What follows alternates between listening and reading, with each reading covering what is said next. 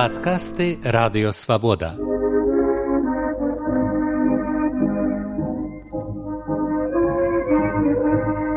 Падарожжа ў БНР з Сергеем Шупам.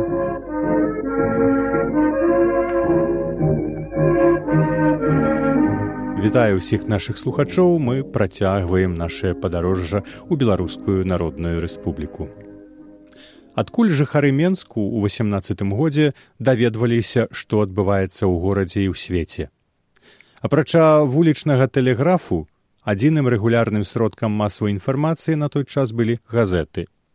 Якія штодзённыя газеты выходзілі ў Менску часоў БНР. Выбар быў даволі шырокі на ўсіх мясцовых мовах і на ўсе грамадскія густы.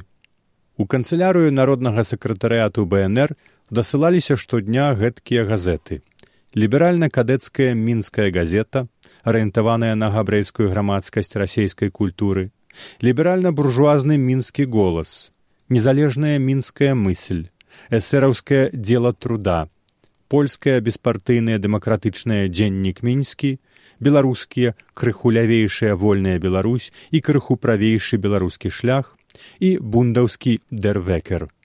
І ўсе яны пісалі пра БНР. На права быць мясцовай уладай пад нямецкай акупацыяй прэтэндавалі не толькі структуры БНР, якія абапіралі сваю легітымнасць на грунце прадстаўніцтва на ўсебеларускім з'ездзе. На з'ездзе фактычна не былі прадстаўленыя несацыялістычныя элементы, таму беларусы правых палітычных поглядаў, адсунутыя з беларускай палітычнай сцэны летам 17 -го году, адчулі сябе па-за гульнёй і заявілі прэтэнзіі на месца пад сонцам яны ўтварылі менскае беларускае прадстаўніцтва і спрабавалі канкураваць з радай бнр у выніку абодва бакі беларускага спектру здолелі дамовіцца і дзесяць чалавек ад прадстаўніцтва былі каптаваныя ў раду бнр гэтак у будынак бнр была закладзеная міна якая да канца восемнадцатого году яшчэ не раз выбухне. Яшчэ адна сіла якая рвала коўдру на сябе. Рэшткі інстытуцыяў гарадскога і земскага самакіравання, што ўзніклі за некалькі месяцаў дэмакратычнай рассеі, а таксама дзеячы агульнарасійскіх партыяў і арганізацыяў. Ужо пасля абвяшчэння незалежнасці 25 сакавіка мясцовыя расійскія эсеры палічылі, што беларускія сепаратысты іх падманулі і адклікалі з народнага сакратарыяту сваіх сяброў. Урэшце польская рада менскай зямлі заявіла, што без яе гаворка пра мясцовую ўладу весціся не можа, што ўстаўныя граматы не маюць правамоцнасці і ні да чога нікога не абавязваюць. Аднак прадстаўнікі польскай рады менскай зямлі былі гатовыя супрацоўнічаць з народным сакратарыятам, праўда, выставілі свае ўмовы. Падкасты радыёвабода. Падарожжа ў БНР з Сергеем Шупам. У праекце статуту рады бнр падрыхтаваным у сакавіку 1918 году ёсць адзін пункт які дае ўяўленне пра рэальную геаграфію беларускай народнай рэспублікі ў часе абвяшчэння незалежнасці. Так у склад рады маюць увайсці прадстаўнікі гарадоў. Цытую да склікання ўсебеларускага з'езду гарадоў гарадская група прадстаўляецца пяццю членамі менскай гарадской і пяццю членамі магілёўскай гарадской думаў запісана ў праекце. А дзе ж былі усе астатнія вялікія беларускія гарады, губернскія, а пазнейшыя абласныя цэнтры. А вось дзе. Віцебск у бальшавіцкай рассеі. Гомелі берасце паводле берасцейскага міру ва ўкраінскай народнай рэспубліцы, як это фармуляваў народны сакратарыят часова акупаваная ўкраінай. Горадня пад нямецкай акупацыяй рыхтавалася далучэнне яе да новай польшчы ну а вільня у новаабвешчанай незалежнай літве. Можна згадаць яшчэ смаленск, дзе першага студзеня 1919 году абвесцяць бСр.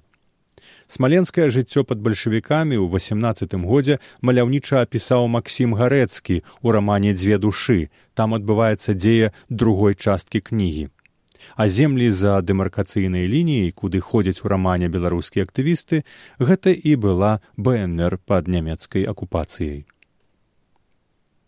народны сакратарыят неадкладна заняўся дзяржаўным будаўніцтвам 3 красавіка была прынятая пастанова пра абвяшчэнне беларускай мовы дзяржаўнай і абавязковай мовай рэспублікі. Пры гэтым нацыянальным мяншыням беларусі гарантавалася права карыстацца сваімі мовамі ў зносінах з дзяржаўнымі установамі.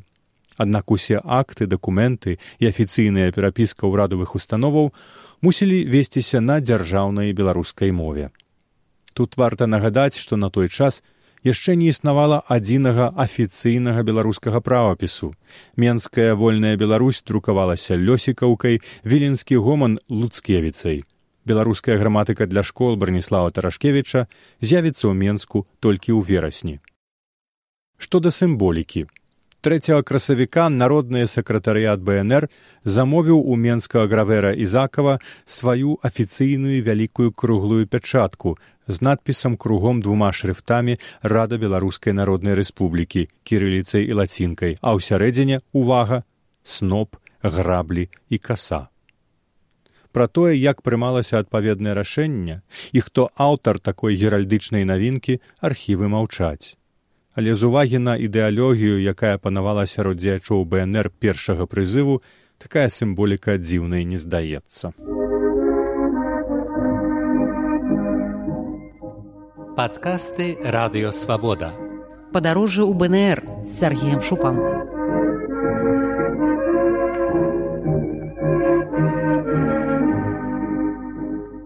На старце каманда БНР была амаль выключна сацыялістычнай. Тон у ёй задавалі дзеячы беларускай сацыялістычнай грамады, лёзунгі свабоды, роўнасці і братэрства яшчэ не былі дыскрэдытаваныя бальшавіцкімі ўзурпатарамі.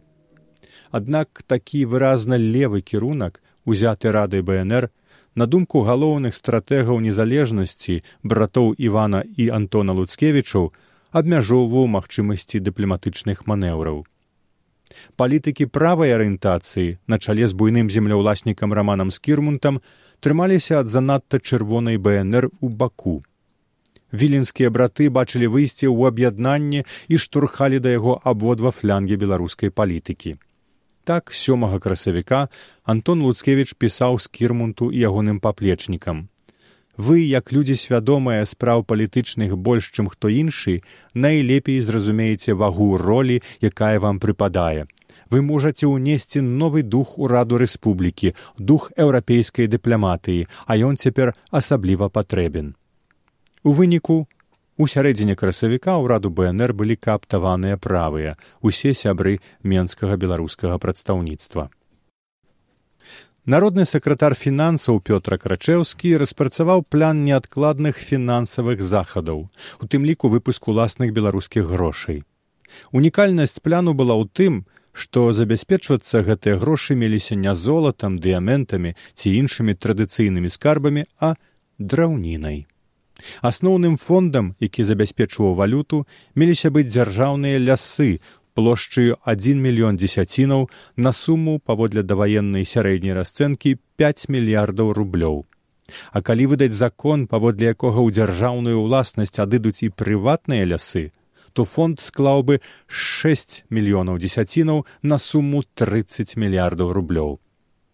Тым часам У месяцы нямецкай акупацыі асноўнымі грашовымі адзінкамі на тэрыторыі беларусі былі царскія рублі і нямецкія ост рублі.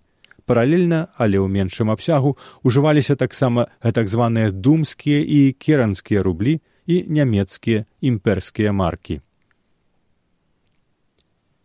Нямецкія ўлады завялі на беларускіх землях акупацыйны рэжым і навязвалі беларускім людзям новыя парадкі так у загадзе каменданта старасельскай воласці пад уладным жыхарам абвяшчалася.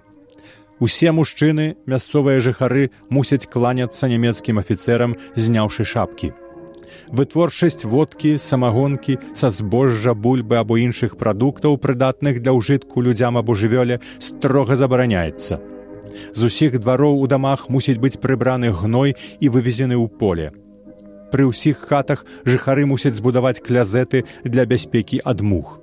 Вуліцы двары мусяць утрымлівацца ў чысціні і ахайнасці. Смецця забараняецца выкідаць паблізу жытла, а збіраць у памыйныя ямы, накрытыя шчыльна, каб не было доступу мухам або прыбіраць штодзённа на поле.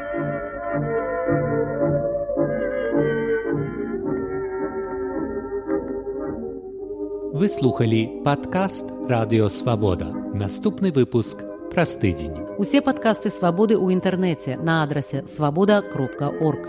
Штодня у любы час у любым месцы, калі зручна вам. Свабода кропка орг. Ваша свабода.